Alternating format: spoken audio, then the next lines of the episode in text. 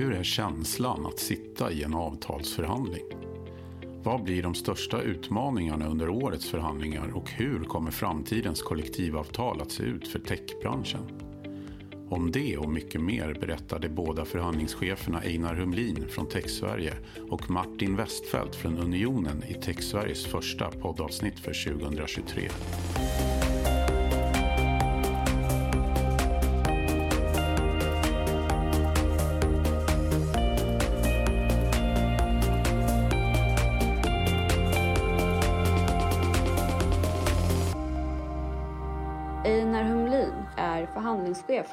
Sverige. Han har över 20 års erfarenhet av förhandlingar, bland annat som förhandlingschef inom Almega och i det privata näringslivet. Martin Westfeldt var Unionens chefjurist i tio år. Han har en lång bakgrund inom Unionen och Svenska Industritjänstemannaförbundet, SIF, och tillträdde som förhandlingschef för Unionen i oktober 2019. Avtalsrörelsen 2023 startade vid årsskiftet och industrins parter som brukligt var först ut för att förhandla. TechSveriges team förhandlar i februari och i mitten av april beräknas kollektivavtalen vara klara. Einar Humlin heter jag, förhandlingschef för det som eh, heter Tech Sverige då och eh, jag har jobbat drygt 20 år med den här branschen och även varit utanför förbundsvärlden och jobbat i två stora eh, bolag som också är medlemmar i, i vårt förbund. Jag heter Martin Westfält och är förhandlingschef på fackförbundet Unionen och det har jag varit i drygt tre år men har jobbat där väldigt länge, tidigare varit jurist under många, många år. Unionen företräder tjänstemän på den privata arbetsmarknaden och är Sveriges största fackförbund med över 685 000 medlemmar fördelat på cirka 88 000 arbetsplatser. Förbundet har nästan 40 000 medlemmar inom de två avtalsområden som omfattar TechSveriges medlemsföretag. Tech Sverige är en bransch och arbetsgivarorganisation för alla företag inom techsektorn. De cirka 1450 medlemsföretagen har sammantaget närmare 100 000 medarbetare i Sverige. Einar, du får äran att inleda med att berätta lite om eh, TechSveriges eh, förberedelser inför avtalsrörelsen. Ja men absolut, vi har ju under hela hösten här gått igenom och haft en nära dialog med våra medlemsföretag. Vad ser vi för frågeställningar som, som företagen bär på och eh, utforma då en, man kan säga en plattform eller en, en, eh, en, en en förändringsplan som vi gärna vill inleda en dialog med facken om. Eh, och den kommer vi naturligtvis att återkomma till under det här programmet. Men vi har haft en nära dialog med företagen och eh, både i våra avtalsdelegationer men också i vår styrelse och även företag som inte sitter i delegationen för att fånga upp vad är det de känner är det, det mest nödvändiga att vi lyfter eh, till våra motparter för att inleda en dialog om. Och Martin, kan du berätta lite om eh, hur unionens förberedelser ser ut? Ja, de är typiskt sett liksom lite längre och lite mer omfattande för att vi är ett stort fackförbund, då, 700 000 medlemmar och eh, det finns ju många, många olika branscher. Eh, IT, tech är en stor del av vårt förbund men vi gör då en stor insamling som börjar redan eh, för ett år sedan drog det igång. Där man på olika sätt möter medlemmar, förtroendevalda, både i fysiska möten men också ganska mycket digitala aktiviteter där medlemmar får tycka till på olika sätt. Och det här Eh, Eh, summeras ihop i ett övergripande beslut för unionen som vi då tog i september i höstas. Där vi summerar vad är våra övergripande inriktningar. Vad ska vi driva i förbundet? Och då har man också valt delegationer som nu har jobbat under hösten och omsätter då de här generella inriktningsbesluten till konkreta krav och yrkanden på respektive bransch. Och det kommer ju här i januari bytas krav då bland annat på Tech Sverige. Hur kommer nu det ekonomiska läget att påverka förutsättningarna för techsektorns del i avtalsrörelsen? Einar, kan du ge din analys? Ja, det går inte att komma ifrån att inflationstakten är ett bekymmer. Det är ju mer en ekonomisk utmaning som vi i Sverige delar med många, många andra. Det är ett globalt fenomen och det är klart att det måste vi parterna på något sätt reflektera över och hantera. Och samtidigt kan man säga att inom techsektorn så råder det ju kompetensbrist och eh, en efterfrågan på, på, på personal helt enkelt. Och det är ju fenomen som vi måste väva ihop samtidigt här på något sätt för att eh, eh kunna skapa bästa möjliga förutsättningar för våra medlemmar och företagen i Sverige att utvecklas och vara attraktiva och skapa tillväxt. Och den, den här ekvationen blir ju särskilt intressant under våren att vi ska prata mycket om och eh, förhoppningsvis kunna hitta eh, gemensamma lösningar som är hållbara över tid. Så det får vi också återkomma till naturligtvis. Eh, utmanande kan man väl lugnt påstå. Och Martin, hur ser din motsvarande analys ut? Nej, men för, för våran del då så har vi ju sedan slutet på 90-talet liksom haft en lönebildningsmodell i Sverige som är jätteviktig för oss för den har varit framgångsrik och bröt då 20 år av väldigt dålig eh, löneutveckling för våra medlemmar. Så den här modellen där vi liksom utgår från inflationsmålet och sen titta på hur utvecklar sig konkurrenskraft, produktivitet, lönsamhet i de svenska företagen. Den liksom håller vi fast i. Och sen är det klart att det här är det är första gången sen det här liksom lönebildningsinriktningen kom till då i slutet på 90-talet som vi återigen har en hög inflation i Sverige. Och det är klart att det är väldigt kännbart för våra medlemmar, för alla i samhället, att man tappat köpkraft kommer fortsätta att göra det. Men vår utgångspunkt är ändå att hålla fast i det. Och eh, vår förhoppning är ju att vi då kan återvända till en god reallöneutveckling. Så småningom ta igen det här tappet. Och som Einar var inne på så är det också viktigt att se att vi är inte i en lågkonjunktur. Många tror att det kommer bli.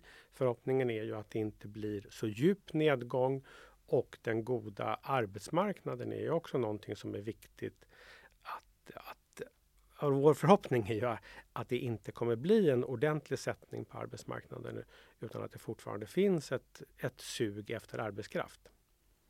Ni är ju båda rutinerade och har varit med länge. Kan ni beskriva känslan av att sitta i förhandlingarna?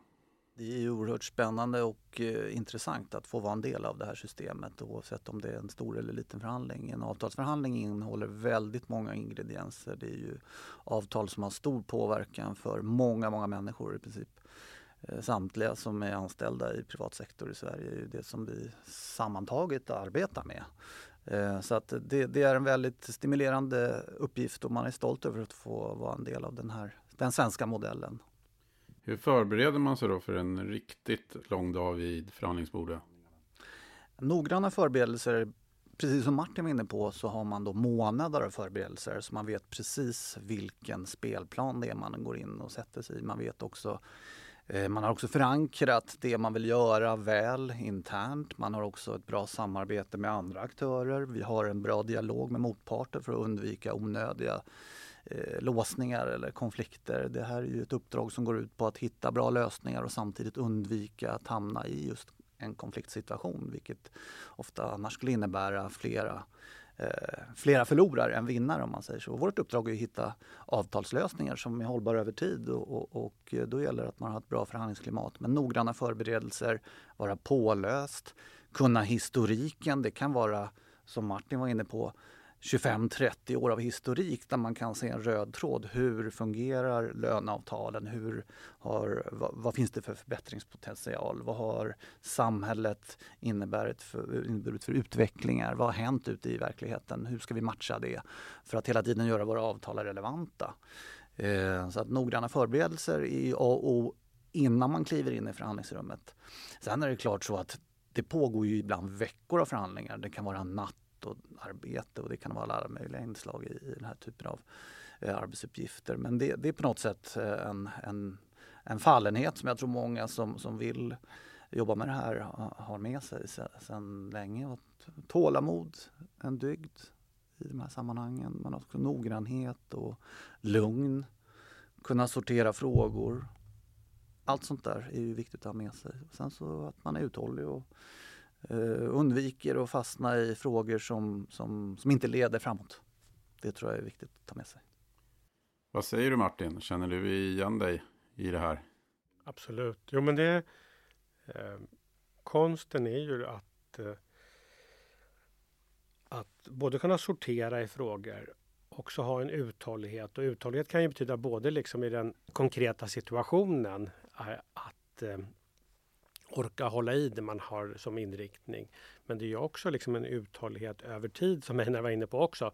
Att många frågor, för det är liksom både tjusningen, det finns stora möjligheter, men det är också ett ganska konservativt system där man behöver känna till historiken. Vad har hänt? Hur har regler fungerat i praktiken och så. Så att eh, goda förberedelser och eh, god planering eh, är väl liksom det som är A och O för att få det i hamn. Då. Och sen så är det ju en spänning att man vet aldrig på förhand exakt hur man ska lösa ett problem. Det är också en del i tjusningen att i den bästa av världar så hittar man någonting som ingen riktigt såg men som man är färdig. Båda kan vara stolta och se att det här blev faktiskt bättre än man själv hade kunnat komma på. Vad brukar vara jobbigast under förhandlingarna då?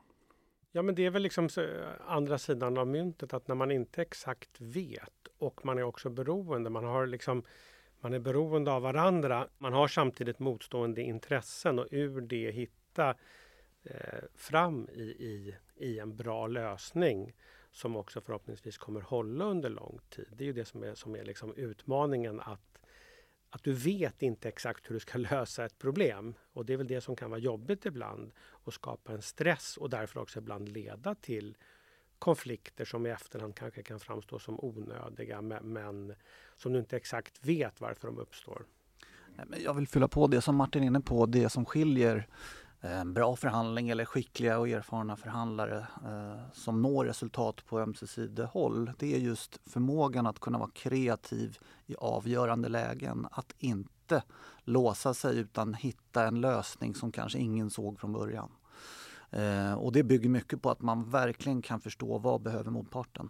Så är det i alla förhandlingar. Om man då som företrädare för en bransch eller arbetsgivare är påläst och insatt och försöker vara öppen för att förstå vad behöver egentligen medlemmarna eh, på arbetsplatser. Vad är det för problem som vi behöver lösa och samtidigt då kan försöka tänka lite utanför boxen och komma med förslag. Det är då man undviker att hamna i, i konfliktsituationer. Och, och det är en, till slut brukar det vara en gemensam process.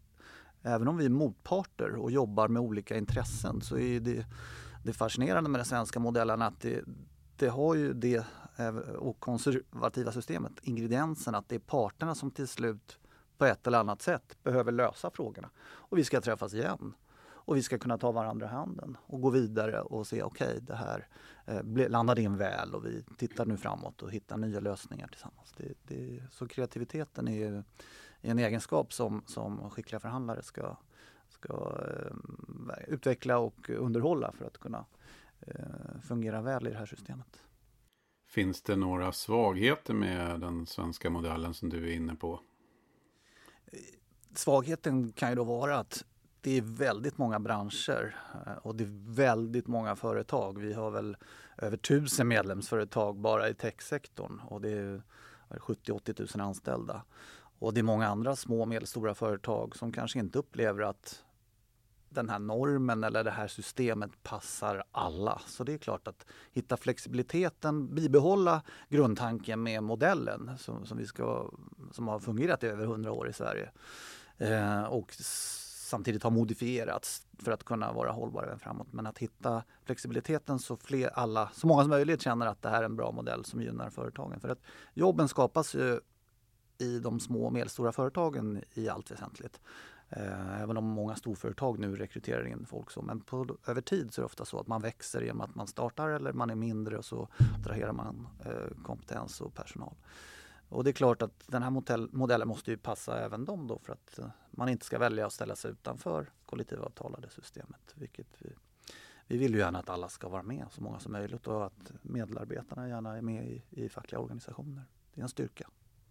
Håller du med Martin? Eller? Ja, nej men så är det väl. Och uh, Den här modellen liksom har vi haft under lång tid och ibland har vi lyckats lösa mera saker, ibland färre saker. Det är ju liksom så eh, och det går ju lite i cykler så att det är svårt att exakt veta vad, vad som orsakar eh, ja, eller både skapar möjligheter eller orsakar problem. Så att eh, man, man, får ju vara liksom nykter och på något sätt så är ju eh, medlemmarna hos oss, de går ju med för att de vill att det ska bli, att de ska få liksom en, ett bra arbetsliv, en inkomst som man kan leva på, möjligheter att utvecklas i jobbet. Så att det viktigaste är ju liksom målet och då tror ju vi starkt att det som bästa sättet att leverera den här liksom nyttan till våra medlemmar är genom kollektivavtalssystemet och den modellen vi har.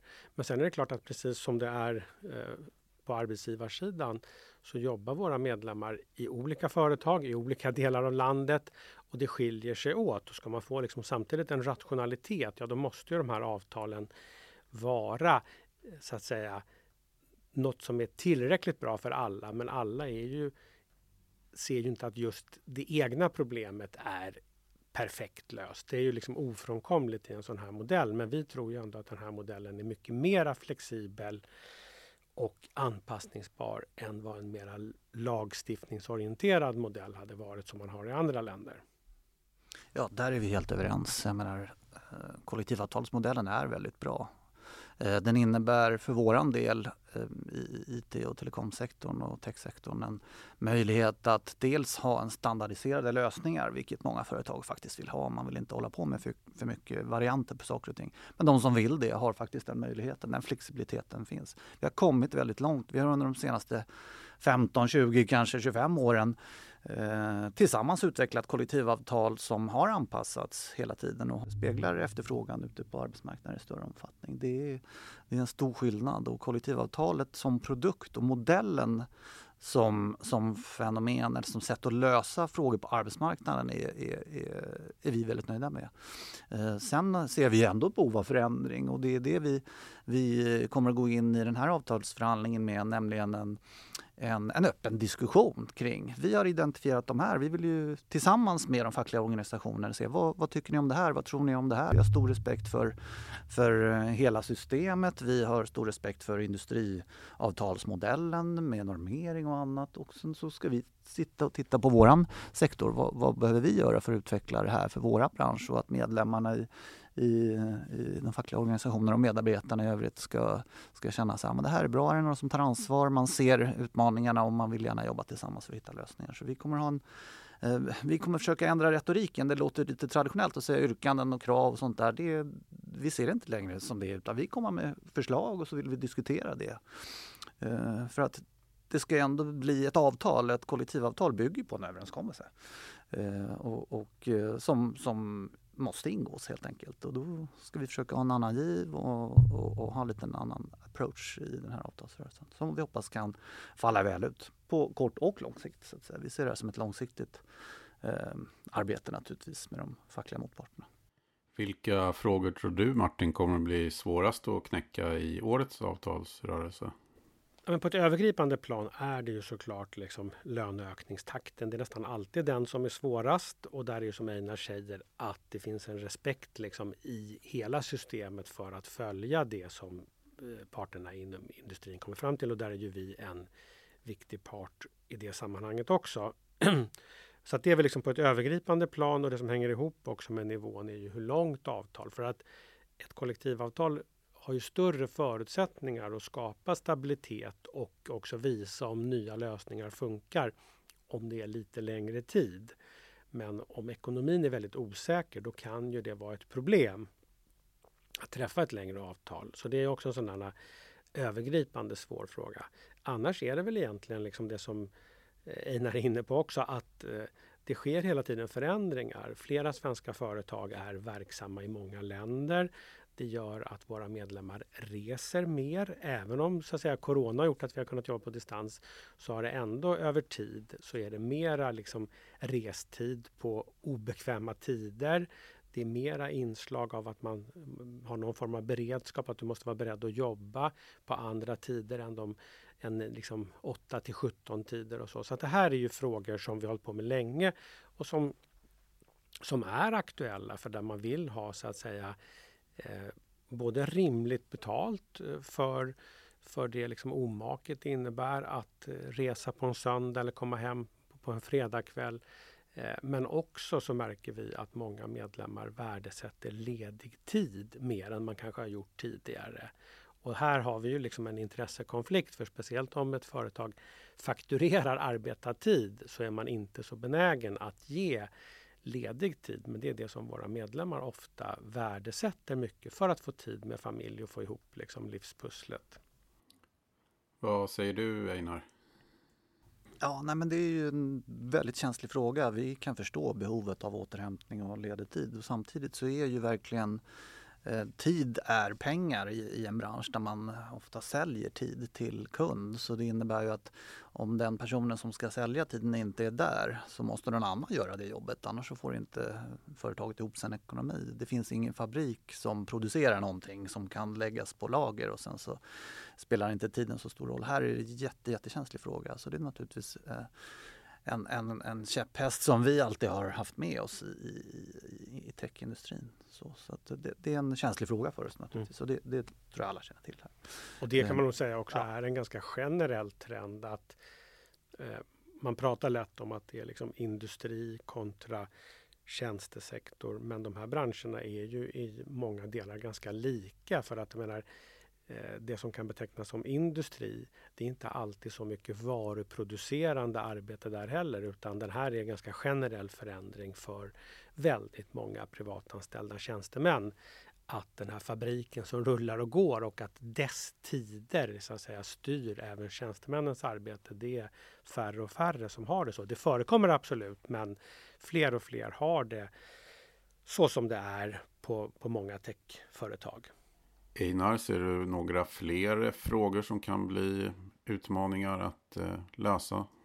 Eh, ja, vi har ju våran fråga kring i, i techindustrin och inte minst i IT-delen av den, nämligen att eh, hitta en lönebildningsmodell som bygger på en långsiktighet och ett större ansvarstagande och ägande ute i företagen. Eh, eh och med stor respekt för industrinormen så utgör den Eh, Eh, den normen ofta ett golv för, för våra företag som konjunkturen har sett ut de senaste åren. För 20 år sedan var det tvärtom, då, då såg det lite annorlunda ut. Men, och att öppet resonera kring vad, vad kan vi göra, vad kan vi hitta för modell tillsammans med de fackliga organisationerna eh, som gör att det långsiktigt eh, fungerar ute i bolagen. Det, det, ska vi inleda en dialog om och ha lite tankar kring det och det är naturligtvis med stor respekt för det, både utmaningarna men också företagsutmaningarna på små och medelstora företag. Så vi försöker hitta lite nya vinklar där och se om, om det kan vara någonting vi kan komma fram med. Vi får se. Sen så har vi en, identifierat en annan utmaning som vi gärna pratar mer om och det är att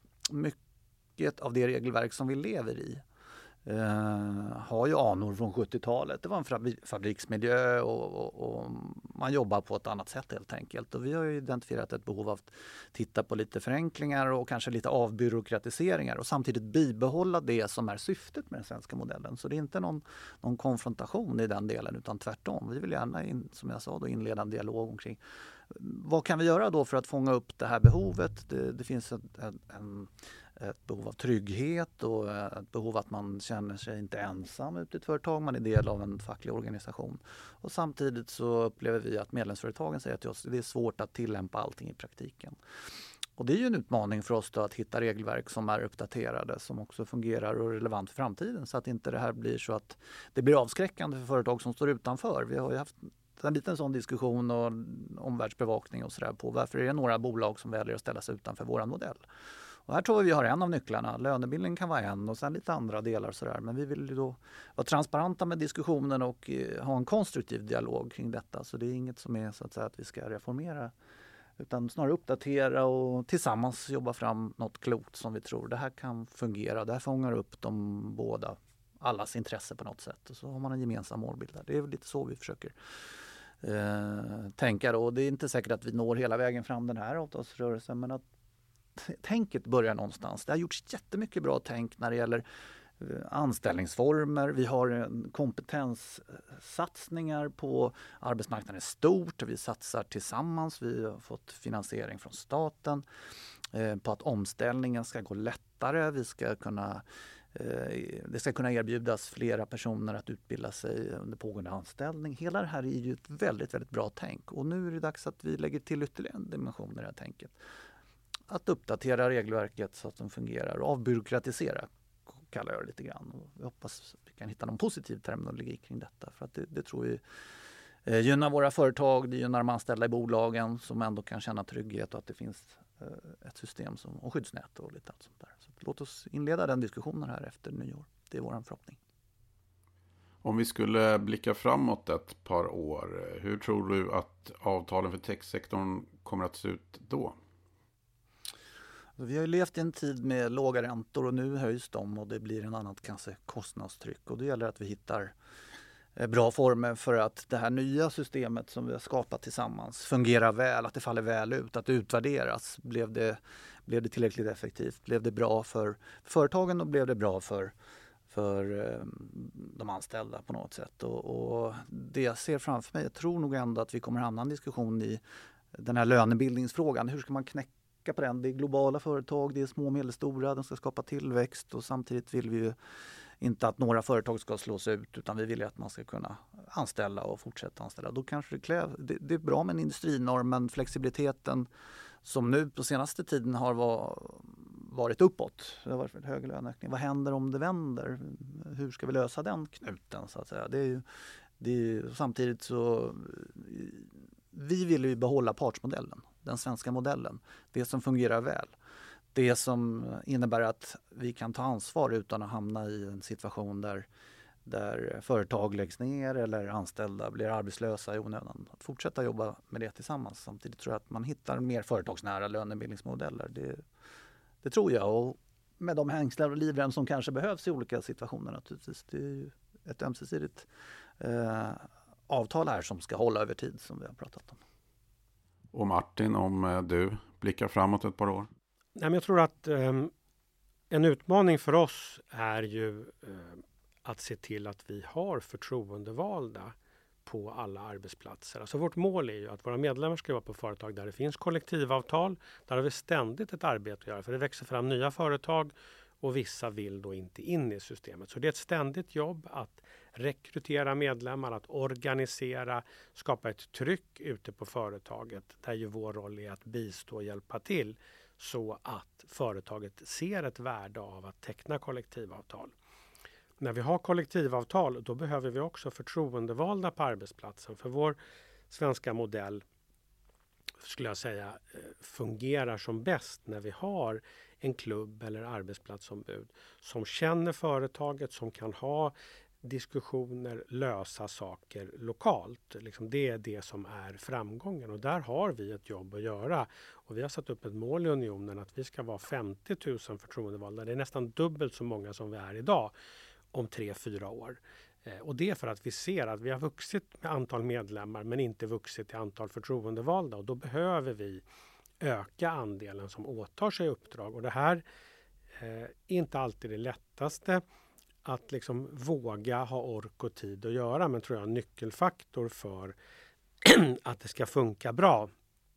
Och det är också svårt centralt att säga hur ska man liksom ha den här enkla smidiga modellen. Det hittar arbetsgivare och fackliga företrädare bäst ute på arbetsplatsen. Så där har vi en, en stor utmaning och eh, det sättet som företag organiseras på eh, där man kanske mm, rör sig mellan olika kunder, man är ute och så. Det kan både skapa möjligheter men också utmaningar. För eh, den traditionella modellen har ju varit att man är på samma fysiska plats och där går samman och bildar en, en union, en klubb. Då. Jobbar man på många olika ställen så är det lite svårare men under pandemin har vi lärt oss också att man kan använda ganska mycket digitala redskap och på så sätt skapa en sammanhållning. Mm. Nej, men det som Martin säger är ju jätteintressant och här tror jag vi tillsammans kan sätta oss ner och se hur ska vi få det här att fungera i praktiken? För vi ser ju positivt på att man är medlem i en facklig organisation. Vi vet att det, det skapar en stabilitet på arbetsplatsen Eh, och eh, det bidrar till att göra företagen eh, mer attraktiva. Att det finns den här typen av bra dialog. Och det är också ett sätt där man kan då förankra beslut men också bedriva så kallat change management. Har man en transformation eller en förändring av verksamheten så är det en stor fördel att kunna ha en bra dialog med personalen. Och det är fackliga organisationers uppgift är att företräda personalen, så det är inte svårare än så. Så att, att hitta Lösningen på detta tror jag är nyckeln till att, att Martin ska uppnå sitt mål med att 50 000 ska bli fackligt aktiva. Eh, sitter mycket i att den här rädslan att det är ett stort uppdrag som tar väldigt mycket tid. Det är väldigt mycket regler. Det är avtal som finns på olika nivåer. Det är samverkansavtal och det är medbestämmandelagen och det kan ju kännas lite eh, avskräckande då att vi kan hitta Eh, kärnan i och syftet med regelverket, kondensera det och hitta en, det en modern tappning som gör att unionen och unionens medlemmar eh, och även våra andra kollegor inom den, på den fackliga sidan och våra företag känner att det här blir jättebra. Är det här som är grundtanken? Då kan vi sjösätta någonting nytt och samtidigt bibehålla stora delar av det som är eh, kärnan i den svenska modellen. Det är jag helt säker på. Och det är ju lite abstrakt idag. Men det är där vi vill bidra till att konkretisera. Och det kan vi bara göra med att, genom att sätta oss med våra motparter och ta fram ett antal förslag och lägga lite pussel och, och kanske inleda ett arbete på kort sikt och ett lite på längre sikt. Lite så tänker vi. Och Martin, vad säger du? Nej, men det, det, det är så, liksom svårigheten här är ju att även om målbilden är tämligen lika eh, för att ur ett fackligt perspektiv så liksom har ju inte inte, ska man säga, formalia egentligen. Alltså det, är, det är inget behov. Det, det, behöver man ju när det inte funkar. Lite som i en avtalsförhandling så måste du veta spelreglerna. Det är då du kan liksom hitta vägar runt och hitta smarta lösningar som blir bra. Du, du, måste veta spelreglerna. Men vi har ju inget intresse av att det ska vara liksom ett tungt formellt uppdrag utan att man ska göra det som medlemmarna på arbetsplatsen vill. Och jag skulle säga att det på de allra flesta ställen fungerar bra. Så att det finns också en risk här att man av olika skäl för att man kanske också centralt mest stöter på när det är problem så att vi tar lärdom av ställen där det funkar bra. Och det skulle jag säga att det gör på väldigt många. Så vår utmaning på den fackliga sidan är att få tillräckligt många att åta sig uppdrag och att eh, på så sätt liksom både utveckla och förvalta modellen. Och som Einar var inne på tidigare så är det också ett spännande skede nu att se vad trygghetsöverenskommelsen, de här förändringarna med möjligheter att faktiskt ta ett break, utbilda sig, kunna gå vidare, vad det betyder för dynamiken på arbetsplatserna. För det nya här är ju att man under bestående anställning kan vända sig till TRR och prata med någon, söka och få stöd. Och det här tror jag kommer påverka också att arbetsgivarna, speciellt om det är sug efter arbetskraft, ah, arbetskraft, både lättare kan hitta personer som har rätt kompetens, men kanske också bli mera duktig på att stötta våra medlemmar i deras utveckling så att de inte behöver söka sig till någon konkurrent. Så att, eh, men det här kommer ta lite tid att se hur den här reformen eh, faller ut och kanske en tre, fyra år till vi vet det. Men det tror jag är en spännande förändring och den här förändringen har ju liksom har jag själv jobbat med liksom i 25 års tid att utrett på olika sätt. Så det är också ett, ett exempel på på tröghet i vårt system. Att det är lätt att hålla fast i det man vet att man har, man vet inte vad man får och därför kan det vara ett motstånd mot att göra förändring. Nu har ändå majoriteten av parter på svensk arbetsmarknad gjort detta. Staten bidrar och så. Så det är jättepositivt och att vi går in i ett skede där vi ska se hur det här faller ut då i verkligheten. Einar, har du något att eh, tillägga innan vi går över till eh, lite kortare frågor? Nej, men eh, det är intressant att höra motparternas inspel i detta naturligtvis. Det är det vi måste sätta oss in i och förstå för att kunna hitta lösningar framåt. Och, och med det det goda klimat som vi har mellan parterna så tror vi, även om vi har olika uppfattningar och kanske drar ibland åt olika håll och det kan vara olika intressen så ser jag fram emot avtalsförhandlingarna och det, det arbete som ligger framför oss här nu. Det är ju liksom tjusningen i det här att när man ska träffa ett nytt avtal då öppnas möjligheter. Det är ett fönster av möjligheter. Och eh, sen är frågan hur mycket lyckas man göra av de möjligheter som finns då. Eh, men Eh, spännande och roligt och också ett, eh, Ja, men både en utmanande tid med den liksom ekonomiska situationen, den oron som faktiskt många medlemmar känner in, inför det läget som är, men samtidigt en insikt om att jag är övertygad om att vi kommer klara av detta. Vi har klarat av svåra utmaningar tidigare och vi kommer klara av det här också. Då kommer lönebildningen återigen vara någonting som bidrar till Sverige och svenska företags förmåga. Precis som pandemin, hur vi hanterade den i Sverige, gjorde ju att svenska företag klarade sig relativt bra. Och det är liksom ett viktigt perspektiv att med att vi, vi har ett, både ett ansvar men också stora möjligheter. Och vi på den fackliga sidan eh, har ju inte liksom landat i att vi ska hålla i den här lönebildningsmodellen som ju de facto rent konkret nu innebär att med, våra medlemmar förlorar köpkraft av att vi bara tar ansvar utan för att vi genuint tror att det här på lång sikt är det som blir bäst och att det gynnar våra medlemmar.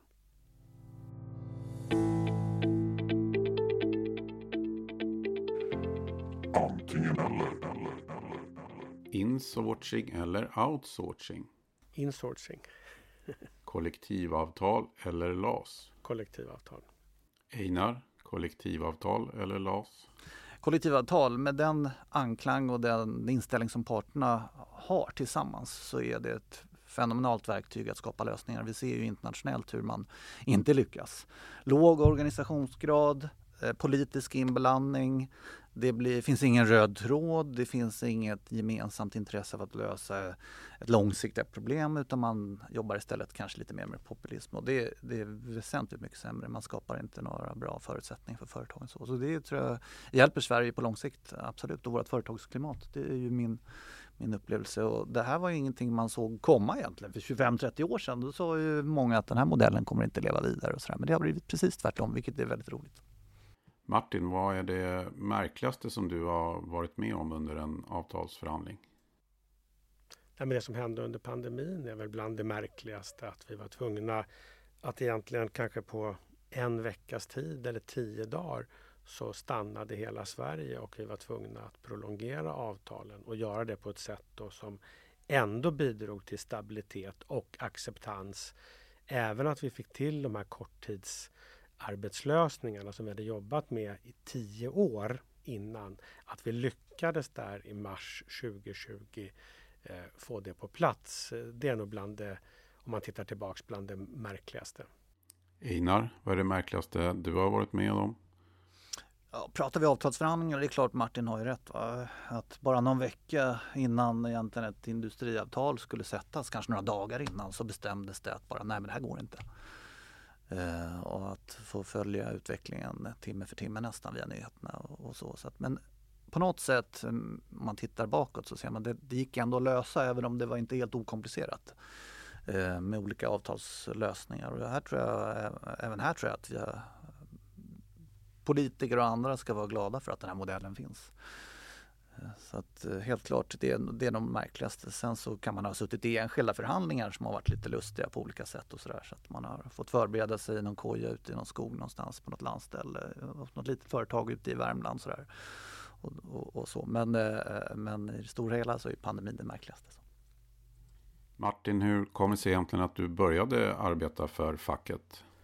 Att jag inriktade mig på arbetsrätt när jag läste juridik och eh, som ung också hade varit aktiv i, i liksom elevfacklig rörelse. Så att det låg väl liksom föreningshjärta eh, sådär, och ett intresse att vara med och eh, försöka påverka var väl liksom den springande punkten. Och då hade jag förmånen att eh, komma till SIF eh, när jag hade suttit ting och tyckte att det var fantastiskt roligt och att jag kom till himmelriket, kommer jag ihåg att jag konstaterade när jag hade varit där en månad jämfört med att vara på en domstol.